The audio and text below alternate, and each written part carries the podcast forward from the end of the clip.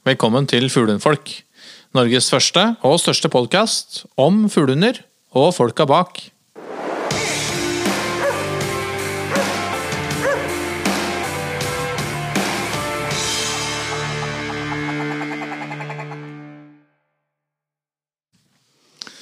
Hei, gutter. God dag. Eh, episode 28. 28, ja. I forrige episode så Da hadde vi Det var kvelden før første, første treningsdag i fjellet. Ja. Nå har vi, nå har vi fått noen, eh, noen dager med, med trening i fjellet, og det er jo Man opplever jo og erfarer jo ganske mye eh, i løpet av noen sånne dager. Eh, spesielt hvis man er, er fersk, sånn som det er. Eh, det både går opp noen lys og slokkes noen lys, og bygges noen forventninger. og Tennes, tennes, tennes, Tennes noen håp, og slukkes noen håp, og um, vi, vi, vi, vi var innom en del sånne elementer i, i forrige episode. Um, og som vi har sett litt sånn i, i praksis i dag. Men det, eller i, i den uken som har vært. Men, men vi har jo hatt med oss litt sånn forskjellige hunder. Ehm, og individforskjell er ganske tydelig å se. Ja, den er eh, Selv om de i utgangspunktet er laget for å gjøre det samme. Ja, de er som deg og meg. Ja. Vi, vi, vi, vi gjør vel en jobb, men vi er vel skrudd sammen litt, litt, litt Forskjellige alle sammen. Ja. Ja. Og det syns jeg var veldig veldig gøy å se. da Både, både hvordan de søker, og hvordan de finner fugl, og hvordan de jobber med fugl. Og... Det var spennende å se, Ja. se ganske mange ulike måter å løse den samme oppgaven på, egentlig. Ja, altså, ikke sant.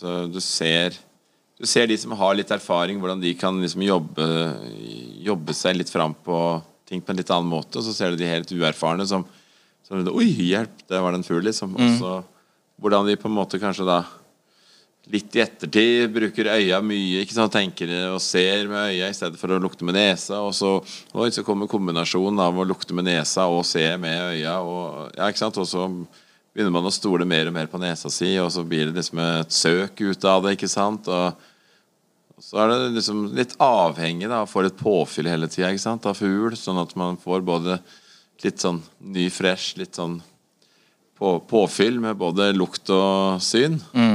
Så man klarer å holde liksom en viss motivasjon oppe hos, her, eh, hos, hos ungdommen, for å si det sånn. Og så er det jo det er to ting som har sunket inn hos meg. Vi har snakket om det Nå er jeg spent. ja, ja, ja. Okay, det er, mulig, det er mulig at det er flere ting, Nei, men det er to ting som, som står sånn krystallklart. Liksom, og det er når du sa til meg at um, Vi har jo snakket om dette her med liksom, å la unghunden få lov til å jobbe. Men uh, putt henda i lomma og hold kjeft, det um, har jo blitt gjentatt en gang eller to da, i løpet av de dagene vi har vært i fjellet. Og det er noe med det. Er noe med det Ja. At det er litt sånn lett å bli litt sånn ivrig som hundefører òg. Og liksom at man, liksom, man har liksom lyst til å prøve å hjelpe, hjelpe det i gang litt. Um, men det ødelegger mer enn det gagner.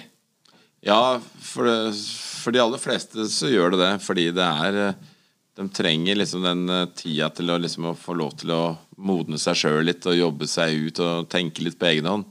Hvis du skal stå der og styre en unghund liksom, til å gjøre ditt og datt, så, så mister du Han mister jo på en måte initiativet sitt ikke sant? til å gjøre ting på egen hånd. da Og det er det jo akkurat nå han trenger å etablere det. da Selvstendigheten. Så, så, så som sagt, eh, putt henda i lomma og hold kjeft. Eh, og så en annen ting som også er blitt eh, tydelig, er at eh, jeg følte vel at jeg hadde sånn dårlig kontroll på innkalling. Ja, du trodde du hadde det, ja? Hjemme, hjemme i hagen? Ja. Jeg ser jo at det koker litt når det bakser opp ryper rundt den. Så er det jeg sier, ikke spesielt interessant. Nei. Så bra. Men, og, da, og dette er liksom, du, har liksom, du, har, det var en av de andre tingene du sa til meg. Liksom bare, men La han bare holde på liksom nå. Ja. Ja, ikke liksom Ikke kjefte og smelle og skrike og hoie og blåse og liksom Bare la han få lov til å holde på. ja.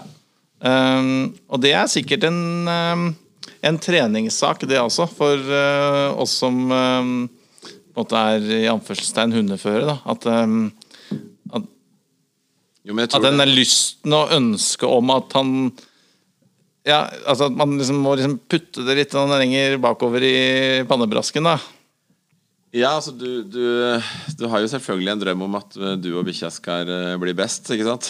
Best av alle. Ja, det vet jeg ikke helt, da, men Litt bedre enn uh, enn det han er på øyeblikket, hadde jeg vel sett for meg, kanskje. ja, jo, jo, men det, altså, ting må, må på plass, og ting må utvikle seg, og selvstendighet må komme, ikke sant? Og se liksom at litt sånne instinkter og sånn våkner. Trenger litt tid på seg, altså må modnes litt. Det må, må masse erfaringer til for liksom å skjønne, skjønne det for hundene òg. Og, og som jeg snakka litt om det med sekundering. Hatt, ha, benytte muligheten til å bruke situasjoner med, med voksne hunder til å la unghunder få komme innpå, men, men la men, men gjør det noe sånn at de på en måte naturlig stopper når de Altså få stå der de står når de stopper, litt naturlig. Slik at vi ikke presser dem videre ifra en sekundering, for å si det sånn, som, som jo kommer, kommer naturlig, da. Ja, for da risikerer de å lære seg å stjele stand, og det er heller ikke så populært. Nei, den blir i hvert fall eh, Om de akkurat stjeler den i utgangspunktet da det, De blir i hvert fall avlært litt dette her med at man skal respektere andre hunder som har stand. Og det Det vil jo være sånn på sikt veldig skjebnesvangert, da. Og, og, og diskvalifiserende i en prøvesituasjon. Nei, vi har hatt noen fine Vi har hatt noen fine, noen fine situasjoner hvor eh, vi har hatt ungen i bånd, og så gått fram til en eh, mer erfaren hund som står i stand. Eh, og det er også liksom ta ned temperaturen litt i det øyeblikket fuglen flyr opp. Dette liksom å prøve å bygge dette med at det, liksom, det er ikke noe det, Her nå er det stille, det er stille og rolig for det, liksom. Det er liksom Sitt ned, slapp av. Ja, altså Det er dette her som jeg har sagt litt, det er jo at det altså, La nå situasjonene få lov til å altså, la, Bruk det som en indikator på hvor, hvor du er da i arbeidet ditt, i stedet for at du på en måte tenker at hver gang hunden min nå kommer opp i fugl, så må jeg være helt sånn 100% og, og hun må sitte og ikke løfte på en finger. på seg. Altså, alt må være så veldig perfekt. Mm. Men jeg syns at det blir veldig sånn feil. da jeg, jeg, vil, jeg vil ha ro i situasjonen, men jeg vil på en måte Og, og, og ro på den måten kanskje bare holder den igjen. Og så lar jeg ting eh, litt koke ned før vi begynner å kommunisere. For det Er du fersk både hund og fører, da, så koker det jo like mye hos begge to. Og så tenker man på alt man har lært på kurs, og ting man skal gjøre, og ting man ikke skal gjøre. Og nei, nå, åh, nå gjør de sånn, og så nå løper den etter, og nei, da er den ødelagt, ikke sant? Men det er den ikke. Det er på ingen måte. Nei. Det, og jeg vil heller at hunden min skal få, få den positive opplevelsen i fuglearbeidet, og så og rampe litt på etterpå, enn at jeg skal på en måte nappe den tilbake til å kjefte og herje og liksom skape de første negative erfaringene, da. Mm. For det er sånn som kan bygge seg på over tid, og så plutselig så skjønner man ikke hvorfor hun plutselig ikke syns det her er så koselig. Så, så jeg bruker mye tid jeg, jeg vil heller le og se at unghunden har det moro, og du ser at ting skjer. Så er det liksom en fin opplevelse i stedet. For begge. Ja. Ja. Uh, en annen ting som ble ganske sånn tydelig, fordi vi har jo vært noen dager i fjellet og opplevd litt ulike vær- og føreforhold. ja. Um, og hvordan um, et område i fjellet um, og rypa og hunden uh, håndter, eh, altså, det, det oppleves som ganske ulikt. Altså, eh, ja hvordan, hvordan rypa Ja, både, ja, både hvordan, hunden, altså hvordan hunden responderer på Fordi rypa vitrer forskjellig, eller den trøkker hardere, eller eller sitter løsere, eller Altså det er ganske sånn store variasjoner. Så nå har vi vært i, i et sånt ganske sånn begrenset område eh, disse dagene, men hatt ulikt værforhold. Og det igjen gjør at det er ganske forskjellige situasjoner for hundene. Ja, og Når folk spør meg om hvor er fuglen nå i dette været her, så sier jeg at jeg aner ikke. Ja, spør bikkja. Ja, Hun har kanskje bedre forutsetning enn meg. Men jeg, hver gang jeg har trodd at, eh, at jeg har funnet en slags oppskrift på at eh, ting liksom er sånn og sånn, så er det plutselig ikke sånn i det hele tatt. Så jeg, jeg har ikke noe sånn oppskrift på hvor jeg går og ikke går. Men jeg har jo selvfølgelig tanker om hvor du tror, og du ser jo litt på biotopene. Hvor ser det ålreit ut å, å være rype, da. Men for oss, som, for oss som ikke er sånn eh, helt inn i lingoen, en biotop, Bjørn, hva, hva, hva, hva er det? Altså Det er bare et navn på et, eh, på en måte et slags område hvor man Altså det å se Det å kalle det en biotop er liksom det um, hvor man ser at her er det kanskje blåbær, her er det kanskje en bekk som renner, her er det kanskje litt skjul av noen busker og sånne ting. Og så at det Ja, liksom den eh, det sam, sam, si samarbeidet da, mellom uh, forskjellige typer vekster og busker og alt som på en måte blir en slags sånn Biotop. setting som, ja, som kalles for biotop. da. Og så finnes det gode og dårlige rypebiotoper. Er det sånn å forstå? Altså Det finnes jo plasser som rypa ikke vil være, ikke sant? så finnes det plasser som rypa elsker å være. Den vil jo ha litt sted å gjemme seg, og den liker å ikke være så altfor langt ifra en bekk, for eksempel, og sånne ting. Det er jo positivt. Og så jeg har sett her, eh, blant annet nå, så er det en del rovfugl. Veldig mye. Ja, og da, da, da er det enda vanskeligere å få rypa til å fly. Da trøkker hun veldig og er vanskelig å få opp. Så, så det kan være en, øh, en av indikatorene på at det liksom Hvorfor du ikke får opp rype. Kanskje det er bare det at det er øh, en del rovfugl i lufta som gjør det. Ja. Rypene er der allikevel. Ja.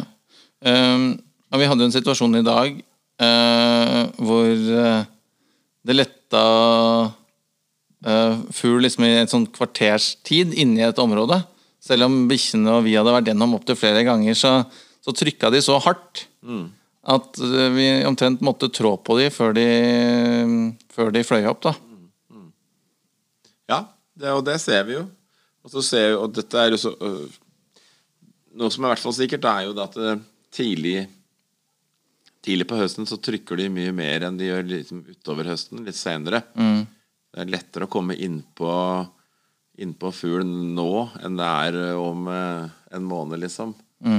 Så, så det er en sånn uh, greie. Og, og, og så vet vi jo det at hvis ikke rypene liksom har fått vinterfargen sin, så, og så kommer det snø, ikke sant? Da, synes, da blir de veldig vare og redde for å liksom, passe mye mer på. Da, man stoler ikke på kamuflasje. Så da vil de være mye lettere på vingene og vil eller løpe av gårde når vi kommer. Ja, det også har vi sett at eh, de beveger seg ganske mye over store, ganske store områder på beina. Ja da, ja. De løper eh, fort på beina. Og de, eh, sånn, sånne vierkjerr som vi kaller oppi her, de er sånn, det er jo ganske Du kan jo gå med, med så her kjerra helt opp til livet, liksom, og kanskje enda mer òg. Og det er jo fint, eh, veldig fint å gjemme seg der. Ingen grunn til å, å ta til vingene for å flykte. Det er jo nesten bedre å flyge langs bakken og gjemme seg under noen røtter og Ja, Det er mye vanskeligere å se dem når de flyr på beina, enn det er når de, når de flyr opp. Ja. Det, det er absolutt en greie. Og det krever jo en del av hunden, da. Og dette har vi vært innom før, men det, dette er jo det, dette er avansering, ikke sant. Når, eh, når hunden følger på. Mm, ja, da.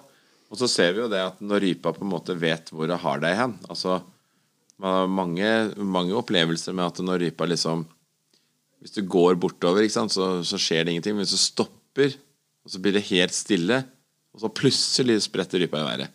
For da har hun mista litt kontrollen på hvor du er hen. Så lenge du kanskje er i en fast bevegelse, en, en, en fast retning, så, så har rypa kontroll på deg.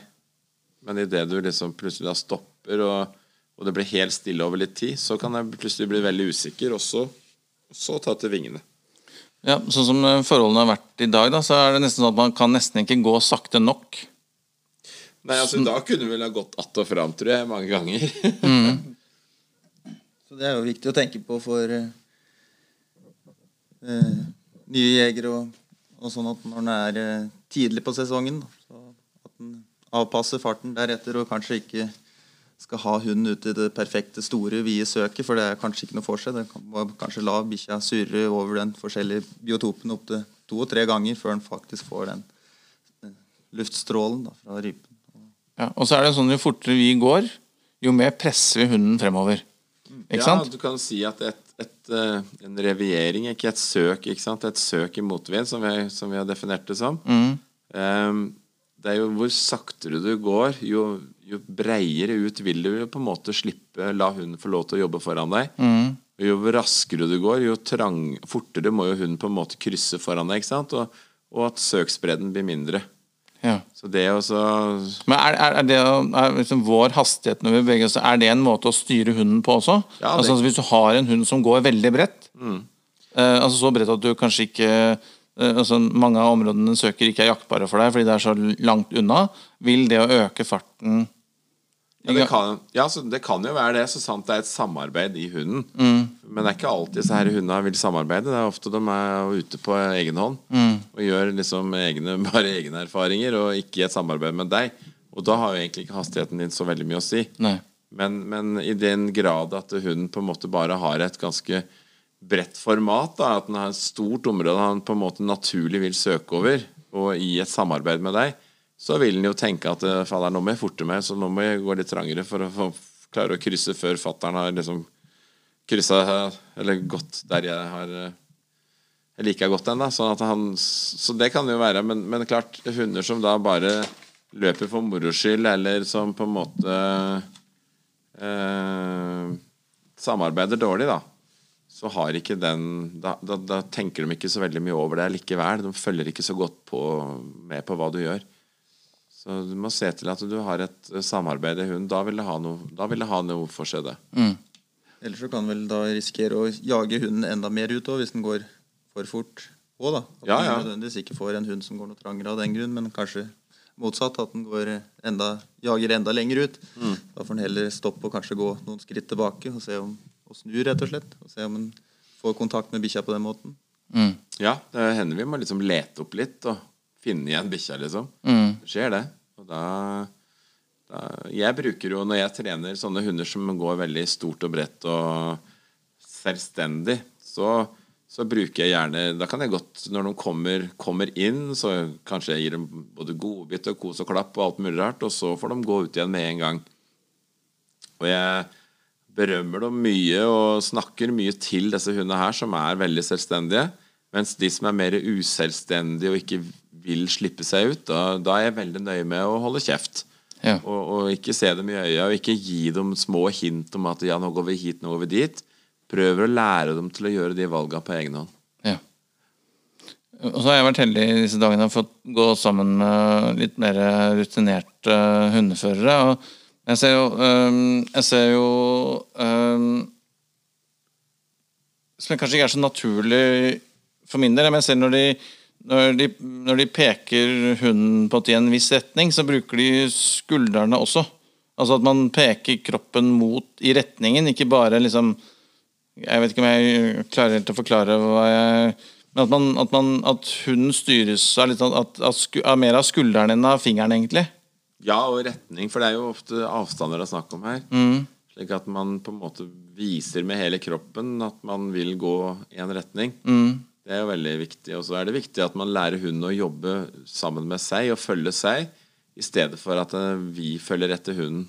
Mm. For den skal jobbe i et samarbeid mot, sammen, eh, mot deg, da, og ikke at du skal ikke liksom komme løpende etter der hunden, hunden går. Da, Mm. da blir det jo da blir det litt feil, da. Ikke sant? Eh, fløyte. Fløyte. Ja. Hva tenker du om fløytebruk? Når bør man bruke det? Når bør man type innføre fløyte? Og hvordan burde man jobbe med det? Fløyte er Jeg syns at fløyte er et godt hjelpemiddel. Mm. Så, fløte, håper å si fløte i kaffen er godt. Mm. det litt litt annet. Men eh, det var sånn derre uh, eh, Jeg syns at eh, fløyte er et godt hjelpemiddel, og at det på en måte gjør det enklere, og at en slipper å få den herre såre halsen som jeg gjerne fort eh, kan få. Mm. Hvis jeg må flyge og skrike til hunden og liksom prøve å få kontakt. Fløyte har jo liksom en sånn mye lengre rekkevidde, ikke sant, som vi vet i lyd. Mm. Og eh, noen sverger jo til disse herre såkalte litt sånn overlydsfløytene, ikke sant, som på en måte som du nesten ikke hører noe lyd til sjøl, men som, da skal, som hunden da skal høre. Ja, for de har et annet hørsel Altså et annet register, egentlig. Ja. De hører lyder i andre registre enn det vi gjør. Ja, og, men mens jeg Jeg bruker ikke sånne fløyter. Jeg, jeg er veldig usikker på jeg, jeg, ser ofte ikke noe sikre tegn på at hunden faktisk hører dette her. Og jeg tenker at uh, hvis ikke jeg hører det, så hører kanskje ikke hunden det. Og da, da er det litt, blir det litt sånn usikkert da om dette her har noen god effekt. Ja, jeg jeg- du, har brukt, du bruker sånn fløyte som det er to fløyter igjen, egentlig. Ja, jeg har en sånn der, litt sånn tynn fløyte på endesida, som piper litt høy pipelyd. Mm. Som jeg bruker korte, korte signaler, og pip, pip, pip, liksom, som, som et innkalling. Og så har jeg dommerfløyte i den andre enden, som er sånn skikkelig Det er mer sånn rallende Ja, det er sånn straffepip i en dommerfløyte, ikke sant? Da, litt lengre der, det betyr sitt. Ja. Som jeg kan da fint bruke da i I eh, fuglesituasjoner hvis fuglen går på vingene og, og bikkja er på vei til å ta etter, så kan jeg kjøre da den her dommerfløytepipen, og da setter hunden seg. ja.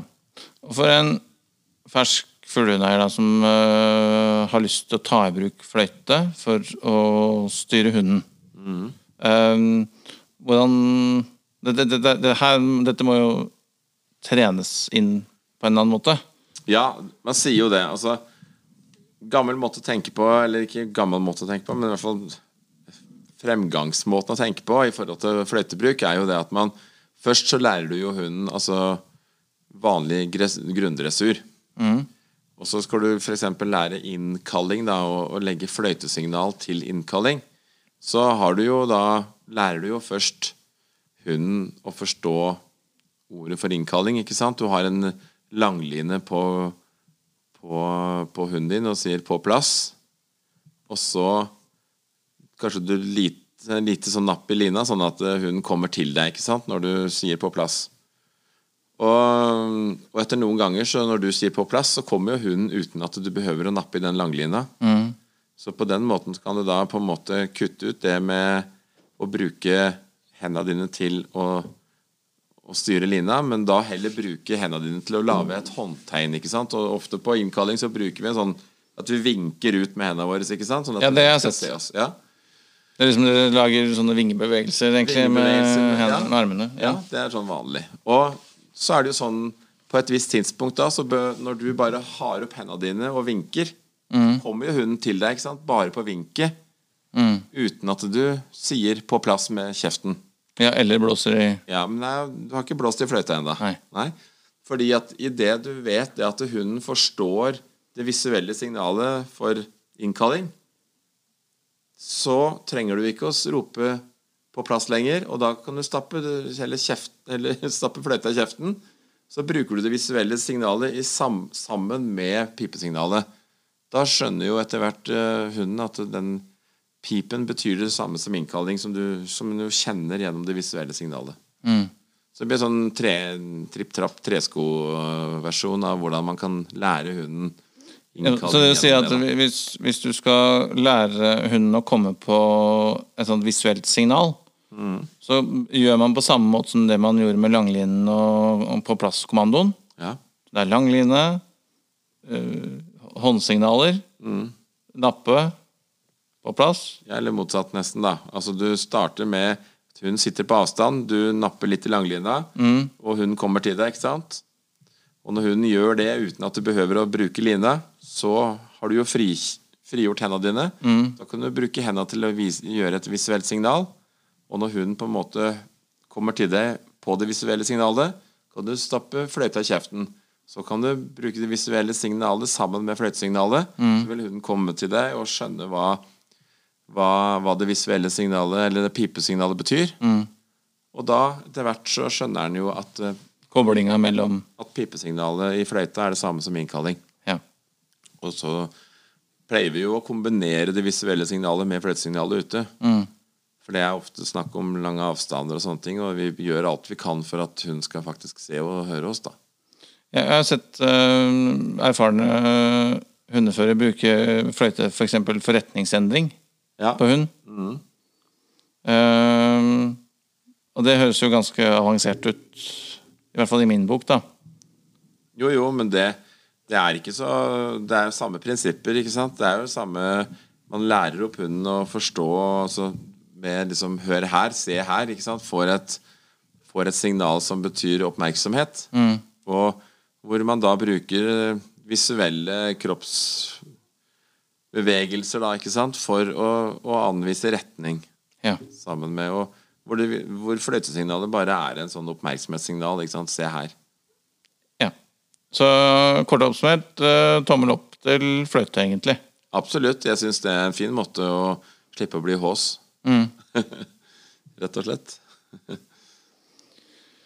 Eh, Det er jo dukket opp eh, noen flere fremmedord, eller stammeord, Stamor. i, i fjellet disse dagene. Som, vi har jo hatt en sånn eh, Vi hadde jo en sånn runde på, på, de, ulike, på de ulike fremmedordene, men, men det er jo dukket opp en, et par nye nå eh, i uka som har gått. Ja. Som eh, i hvert fall ikke jeg var så Ikke var så når, du, når, når- dere snakket om det, så jeg forsto ikke helt hva dere mente. Da Men når hunden stikker ja, stikker. Og det, han stikker ikke av sånn Nei, for det er jo Sånn den naturlige Ok, han stakk av, så da er han en stikker, men det er han ikke.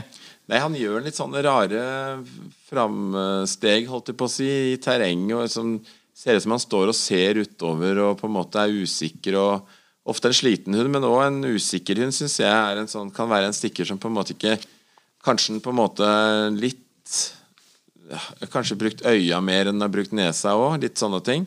Slik at han på en måte bare løper fram i terrenget og stopper opp der og ser utover, ser det ut som. ikke sant? Og, og så bare fortsetter han eh, et slags sånn litt planløst søk, og så, så stopper han og ser utatover, liksom litt sånn og Akkurat som han liksom ikke helt har bestemt seg om han skal bruke nesa eller øya for å, å finne det. Ok, og så ble ordet kuvending nevnt ved flere. Ja. det, er, det er jo et, eh, et eh, ord, eller et uttrykk jeg har hørt i andre settinger også, men, men når, en hund, når en hund kuvenner Ja, stakkars ku. Det høres innmari slitsomt ut å vende på en knu, ku. Ja, ikke Ja. sant? Ja. Nei, det er vel den derre Altså, når, når hunden revierer foran deg, ikke sant, så skal han på en måte gjøre et godt søk og svinge oppover, og så svinge oppover og svinge oppover, sånn att og fram. Men han skal gjøre, som, gjøre den svingen så på en måte rasjonell som mulig, da. Eh, og det vil den jo gjøre gjennom å på en måte bare løfte seg selv opp noen meter, i stedet for at man kanskje svinger nedover og på en måte krysser allerede søkt terreng liksom for å komme ut igjen. Altså, sånn I ytterste konsekvens så er det jo snakk om her at hunden på en måte er så effektiv som mulig i søket sitt. To som på en måte konkurrerer om å være, å være best her, vil jo begge ha best av å hele tiden komme i komme i ny, Nytt ny luft. Ja, Ja. ny terreng. Eh, og hvis man kuvender, så går man på en måte en runde tilbake til ned til tidligere avsøkt terreng, og, som gjør at, eh, at det ikke er så rasjonelt da, som, en, som en ordentlig eh, Og ikke så effektivt, ikke sant? For man, eh, man går over samme terreng flere ganger. Ja, Ja. rett og slett. Ok, så en kuvending. Ehm, og så snakket vi litt i går om ringing. Ja, vi snakket om den der litt sånn redde hunden som på en måte hadde fått noen erfaringer i fuglesituasjoner. Så når det lukter, lukter rype, så blir han heller litt engstelig og vil ikke på en måte inn og reise fugl. Han heller tar til høyre eller venstre og liksom flyr rundt fuglen, da. For i, i dag så hadde vi en blinker. Var det iallfall noen som nevnte. Ja, at han, Er, er, det, er det litt det samme? Ja, det blir jo det samme, men i en litt annen form, da. Altså at han gjør det Man, man blinker, altså man, man trekker eh, imot, og så trekker man seg tilbake på en måte. Man vil ikke reise, kanskje, men kanskje ikke har samme uttrykket da, i måten å, å, å, å unngå viltet på. Riktig. Så både eh, en ringer og en blinker er, er to begreper som ligger li- li- under dette hovedbegrepet liksom viltsky, ikke sant? Ja. Er det riktig Det oppfattet? tro, jo, det vil jeg nok mene at flere er enig i. sånn Ja. sett. Ja, men vi tar gjerne imot eh, korrigeringer hvis det er spesifikke Det gjør vi alltid. Ja, spesifikke ting som folk syns er viktig, viktig i, i, eh, i det, da. Men hva skyldes det, Bjørn? Er det, er det medfødt, eller har det noe med innlæring av hunden, eller? Det har det ofte med, med håndtering og hvordan vi oppfører oss for, overfor bikkja vår i fuglesituasjonen. Ja, så, så, så, så det er ofte vi, vi menneskene som gjør hundene Ja, for, før- viltskye. Først Det er ikke sånn at de, de skvetter, og så plutselig blir de livredde en eh, rype, liksom. Nei, det er absolutt ikke sånn. Og det, før så lærte man jo på kurs at man kanskje i fjellet, hvis hunden på en måte tok opp fugl og sånne ting, så skulle man eh, dra bikkja tilbake til der fuglen fløy opp, og så deise den i bakken, og der skulle den ligge og, og, og tenke over sine hyss, for å si det sånn. Ikke sant? Altså, det at hunden kanskje skal ligge der og, og, tenke litt på hva at, at han skal ligge her, kjenne på lukta og ligge i ro, det er fint. Men ikke, ikke den harde håndteringa. Det skaper jo heller en viltskyhet, en redsel for den lukta. Hun, Fordi jeg forbinder det med juling. ja, ja, altså når man forbinder en lukt, da, en assosiasjon sant, mellom lukt og juling, som dessverre da er rypelukt, så, så skjer det noe i hunden som utvikler seg over tid til det negative. Og du får da en sånn en treg reiser, en ringer, en stikker, da. Ja, altså Et annet ord som ble nevnt også, var låsing. Ja, og det, det er jo på en måte Det er det mottatte, egentlig, da. Ja, og det er litt sånn Det òg skjer hvis på en måte du blir forbanna, irritert og sånne ting i fuglesituasjon, og, og, og hun på en måte prøver å være det til lags, og, og litt sånn 'unnskyld at det er til', ikke sant? Mens du har din frustrasjon som skal på en måte kanaliseres mot bikkja, da. Og da er det jo ingenting som på en måte blir bra nok. Så på den Så en låsing er på en måte at, han, at den står fast i standen. Ja, du blir stående der, for du vet ikke hva, hva, hvordan du skal oppføre deg. Nei. Så, men så kan noen låses, og så kanskje man har litt for sterke instinkter òg. Altså man først kommer inn i det å stå, så blir man stående der, og, og at man ikke kommer ut av det. Ok, Og så er det sikkert et, eh, et ord som eh, jeg har hørt flere, flere si opp igjennom, og det er spikerstand. Ja. Det er en stand på en spiker. Nei. Nei, men Det sier seg sjøl at den spikeren eh, den står jo der støtt. Og, og det handler jo om det at man da har en skikkelig god stand der. Liksom, der, stopp, der står den. ikke sant? Man, hun, du ser at han jobber litt forsiktig fram, avanserer, og, og til slutt så pang, der Ja. står den. da, da ser det ut som noen har tatt bilde av den. Ja, og det er spikerstanden. Det er spikerstanden. Ok. Ehm, et annet ehm, Et annet eh, vilt Vilt er det ikke. Et annet dyr som eh, vilt. Ja, er, ja. Et, annet, et annet vilt som ehm, beveger seg eh, i områder der hvor man ofte jakter rype, er en liten krabat som heter lemen. Lemen, ja. Um, og det er jo flott med mye lemen i terrenget, for det gjør jo at uh, rovvilt og har liksom eh, flere nærings, eh, næringskjeder, og ikke bare spiser rype og rypeegg.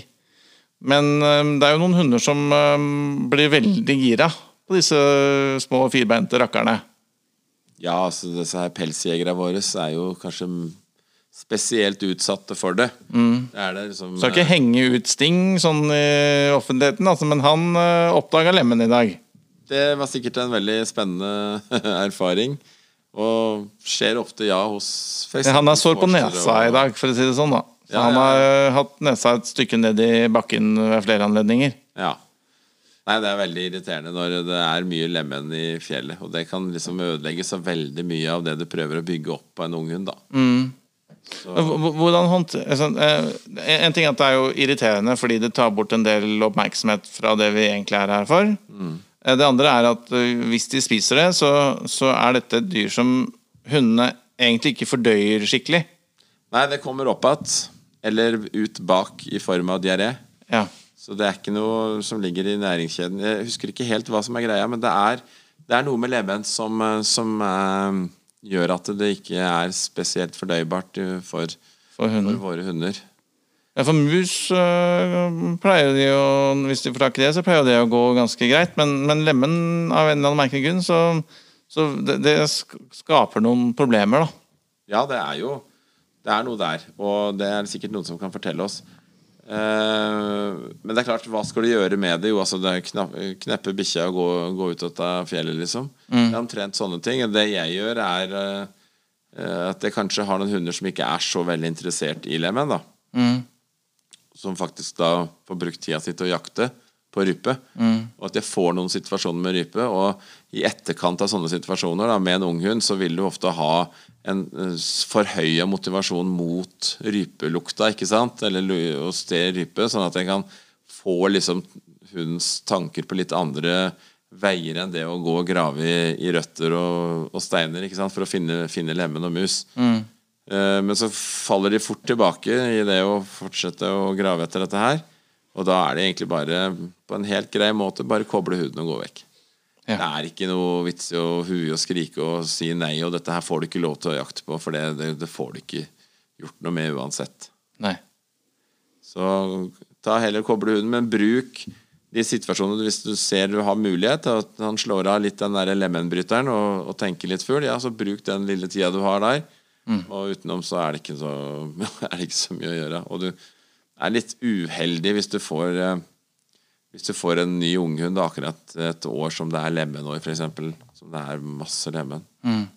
Da får du heller eh, bare tenke at ok, jeg håper at jeg får ting på plass til vinteren når snøen kommer og lemmen er borte, liksom. Ja, for det er så Det er så ille. Ja, altså, det handler jo litt om dette her med, med opplevelser i fjellet òg. Altså, hvis du bruker storparten av tida di når du går og, og, og skal gjøre hunden glad i fjellet, da, på å kjefte på at den driver og, og biter og spiser i lemen, ja, så blir det jo et sånt negativt eh, preg på alt. Og så er jo hunden litt stressa i huet òg av all den her lemen som flyger rundt der, som gjør at den jo blir litt sånn at den ikke lærer noe situasjon heller, ikke sant? Det blir bare en slags sånn der jaktmodusbryter slått på full gass. Så det er ikke lett å gjøre noe med det, og det er, du har ikke noe igjen for å drive og styre og prøve å dressere i det. Ok, Så hvis man er i en situasjon eller uh, har en hund som uh, viser uh, i overkant mye interesse for firbente, hårkledde lemner, så er det koble og gå vekk. Det er det som er oppskriften, egentlig. Ja, det er ikke så mye å det er Er det sånn rett i dusjen, liksom, eller skal man gå et annet sted? Eller Man kan jo prøve, da, men det å gå fra A til B på samme område, altså er det er det lemen ett sted, så er det lemen et annet sted? Ja, som regel. Hvis det er skikkelig sånn lemenår, så er det gjerne godt krydra over hele. Mm. Men man kan jo, kan jo prøve. Mm. Mm. Så, men, men, nei. Det er ikke okay. bra. Nei. Lemen er kjedelig. Lemen er, det er liksom en sånn ja, Det kan ødelegge så mye, altså. Mm. Jeg kjenner jeg ble nedstemt, men det, Det er ganske mye lemen i år. mm, det er det. Det, det er ikke et lemenår, men det, det er både Jeg har sett veldig mye lemen i dag. Ja, sett mye lemen og mus. Mm. Og det er mye rovfugl. Ja. Så det, så den, eh, og det henger sammen, dette her. Mm. Vi var inne på det litt sånn innledningsvis i episoden at eh, vi hadde hatt med oss en del forskjellige hunder, og at det er litt sånn individforskjeller på hundene. Eh, men er det noen sånne type rasespesifikke forskjeller eller likheter? Liksom? Fordi nå har vi, i denne uka her så har vi hatt med oss ganske mange forskjellige typer hunder. Eh, er, er, det noen sånn, er det noen sånne hovedtrekk, eller er det noen, liksom, er det noen fellestrekk? Er det noen særtrekk? Er det noen sånn åpenbare forskjeller liksom, mellom de ulike rasene? Kanskje da spesielt sånn som, sånn som en situasjon som vi har vært i denne uken, her da, hvor vi har vært på høyfjellet. Ja, altså man, man tenker vel litt til å se, se på liksom hvor stort og hvor intenst og hvor, hvordan de på en måte konsentrert jobber og alt, alle sånne ting. Og jeg, jeg har sagt det tidligere, og det jeg gjentar jeg på det. Men ikke sant eh, Veldig mye av dette her i dag er jo på individ og ikke på rase, fordi i dag så får du liksom gode hunder i alle raser. I alle disipliner.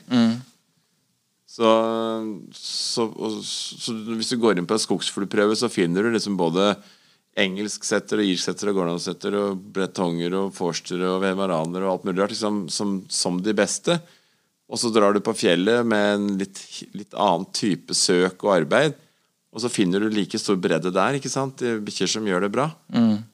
Så at man kanskje må gå på linjer og sånn da, for å se de tinga der, det, det er kanskje mer der det ligger. At man har f.eks. linjer som er gode skogsfuglhunder, linjer som er gode høyfjellshunder. Sånne ting.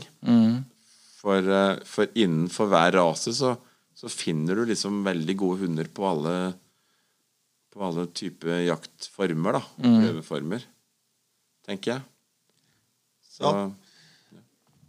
Nei, Vi var litt inne på det, med den, den der lemenjaginga, da. I hvert fall den korte erfaringa jeg har fått i løpet av den Ja, er lille uka vi har drevet på her nå, så har det jo kanskje vært Forster-rasen, og spesielt striåreren, kanskje, som virker som er mest eh, hissig på å jage lemen. Mot eh, setterne, som kanskje har vært eh, Går litt større og ikke rekker nesten å få med seg at det flyr en lemen eh, foran eh, nesa på seg. Mm. det- det er sant, det, altså. Det, det, det er Det er ofte særlig som ja, Det har kanskje litt med, med allsidigheten, eller? Ja, de er jo, sånn jaktmessig er de jo brukt i en, i en større bredde, ikke sant? ikke minst på hårvilt. da Så ting som løper langs bakken, er like interessant som ting som flyr i lufta. Ja. Så, så det er jo Men det, det gjelder flere av de kontinentale rasene, ikke sant? Som Ja, egentlig er- alle. Ja, ikke sant? Mm. Som, som Jeg vet ikke om man kan, kan si at de er mer allsidige, men altså, det har et bredere bruksmønster, da, kanskje, enn en del av de mm, engelske eller britiske rasene som er mer rendyrkede spesialister på akkurat dette som vi driver med nå. Eh, nemlig å, å finne ting med vinger i eh, diverse, diverse form og farger. Ja. Ja da. Nei, det, det er sånn Sånn har det vært i mange hundre år, liksom. Og det som vi snakka om, så kontinentale hunder handler jo liksom om at kanskje nede på kontinentet så kunne man altså få lov der, hadde, der var det jo mulig å jakte, ikke sant, som, som vanlig menneske. Og du hadde én hund, og da måtte du bruke den til alt. Ja. Så det, var vanlig der å kunne gå både på elgjakt og fuglejakt med samme hund. Mm. Og som kanskje har blitt da, til en sånn kontinental fuglehund i dag. Mm.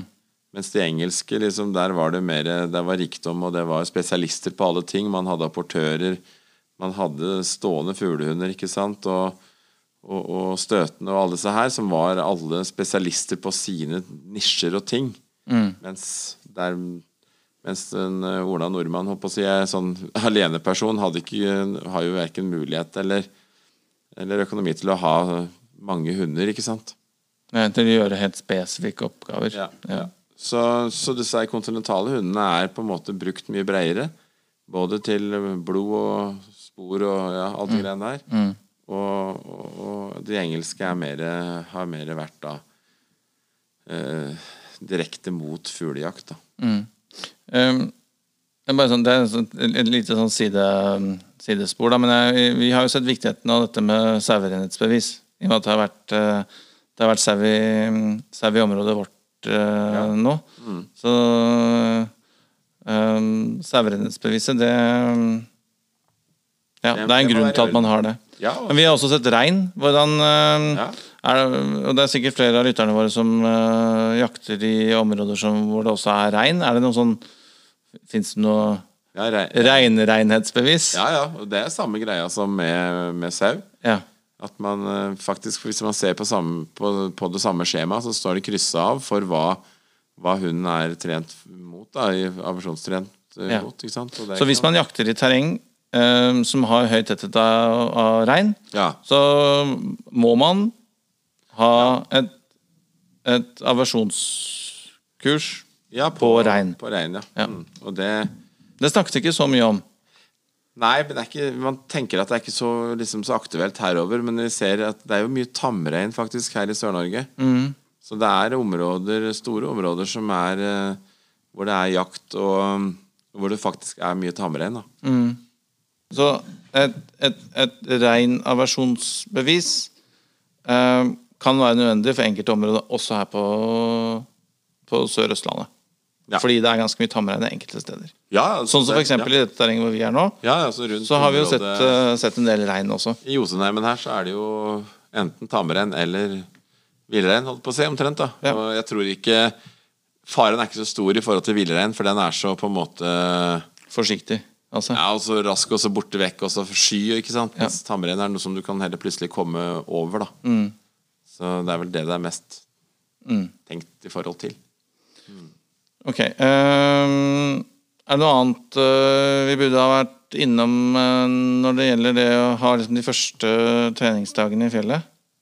Eller har vi dekket liksom mesteparten Nei, ja, altså det, det viktige her er godt humør. Ut og gå, og ikke, ikke grav det ned i masse teorier og styr og stell.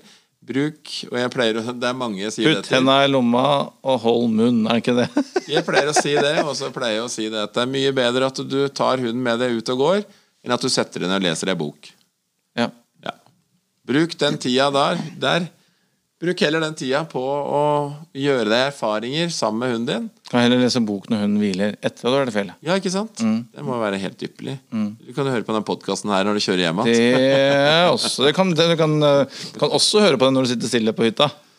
Ja, ikke minst. Hvis du er alene og liksom helt litt sånn småensom. Eller så er det noen som har er observert eh, en viss Bjørn Strandvik gående og høre på podkast i fjellet. Det også er jo Men da skal man jo ha noen eh, Da skal man jo ha noen eh, hva heter det, multitaskingsegenskaper. Det var eh, ren og skjær Hva heter det for noe? Litt sånn bare for å redigere på ting og høre om alt var riktig. Så det var Da må jeg si at jeg var på jobb. Det er veldig bra. Men eh, vi skal ut i fjellet igjen, vi gutter. Ja da, det er ikke noe fred å få. Nei, så da um, takker vi for denne gang. Og så høres vi snart. Og så eh, kos dere i fjellet. Ja, bruk det på en ålreit måte, og ikke, ikke heng for hardt på teorier og alt som er, men uh, ha det moro sammen med bikkja di og god, få gode erfaringer. Ikke minst stole på bikkja si, da. Ja. Den veit så mye bedre enn deg, så ikke la deg bli frustrert hvis bikkja ser ut til å gjøre rare ting. Så kan det hende at det faktisk At det er en grunn, at det er en grunn til det. Ja, altså det, ja, det dukker opp en stand som du trodde ikke var mulig akkurat der, og så prøver du å kom igjen, da! Eh, det er ikke noe fugl der! Og så flakser opp oppover, ikke sant. Ja, og, for det er, i hvert fall for, for vår del i dag så har det vært litt sånn spesielle forhold. Ikke sant? Jo, de, altså, de har jo trøkket så fælt at det, du må nesten ha tråd på dem liksom, for at de skal flytte på seg. Ja, eh, rett og slett. Ja da. Ja. Ok, men eh, vi høres snart, vi. Eh, og så fleipa vi litt med det i forrige episode, at eh, en dårlig dag i fjellet er tross alt mye bedre enn en god dag på jobben. Så eh, ja det, det, det, i morgen er det en ny dag. En ny dag, nye muligheter, og ikke minst jaktprøvemuligheter. Ja, eh, eh, ja det, vi kan jo bare, bare avslutningsvis si det, fordi Magnus og Bjørn, dere skal jo på mm, nå i helga. Ja, Så mm, jeg har lyst til å ønske dere lykke til. Takk for det. Eh, så skal vi være her og kose oss. Nå blir det jo spørsmål etter resultatene i neste episode. Det vi ut bort. Nei, nei, nei, nei, nei, nei nå eh, nå skal, Det er kort, nå skal korta på bordet, og så får dere litt ekstra press på dere, på dere inn, i, inn i helga. Ja, takk. takk, Takk. Lykke til, da. Jo, takk for det. Vi heier på dere. Og så får dere hilse til alle andre som er på Bygdunprøva Ja, vi har det også. Ja, ja, ja. Det er nok mye fuglehundfolk der, tenker jeg. Det er, Det er jo helt sikkert. Alt annet ville vært rart. Nei, vi gleder oss. Ja. Vi høres, folkens. Kos dere. Takk for det. Ha det. Ha det.